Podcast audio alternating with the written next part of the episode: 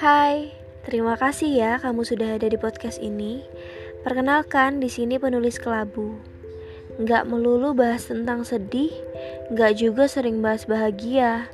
Semuanya mungkin terlihat abu-abu, ya karena tak ada dari kita yang tahu tentang kepastian.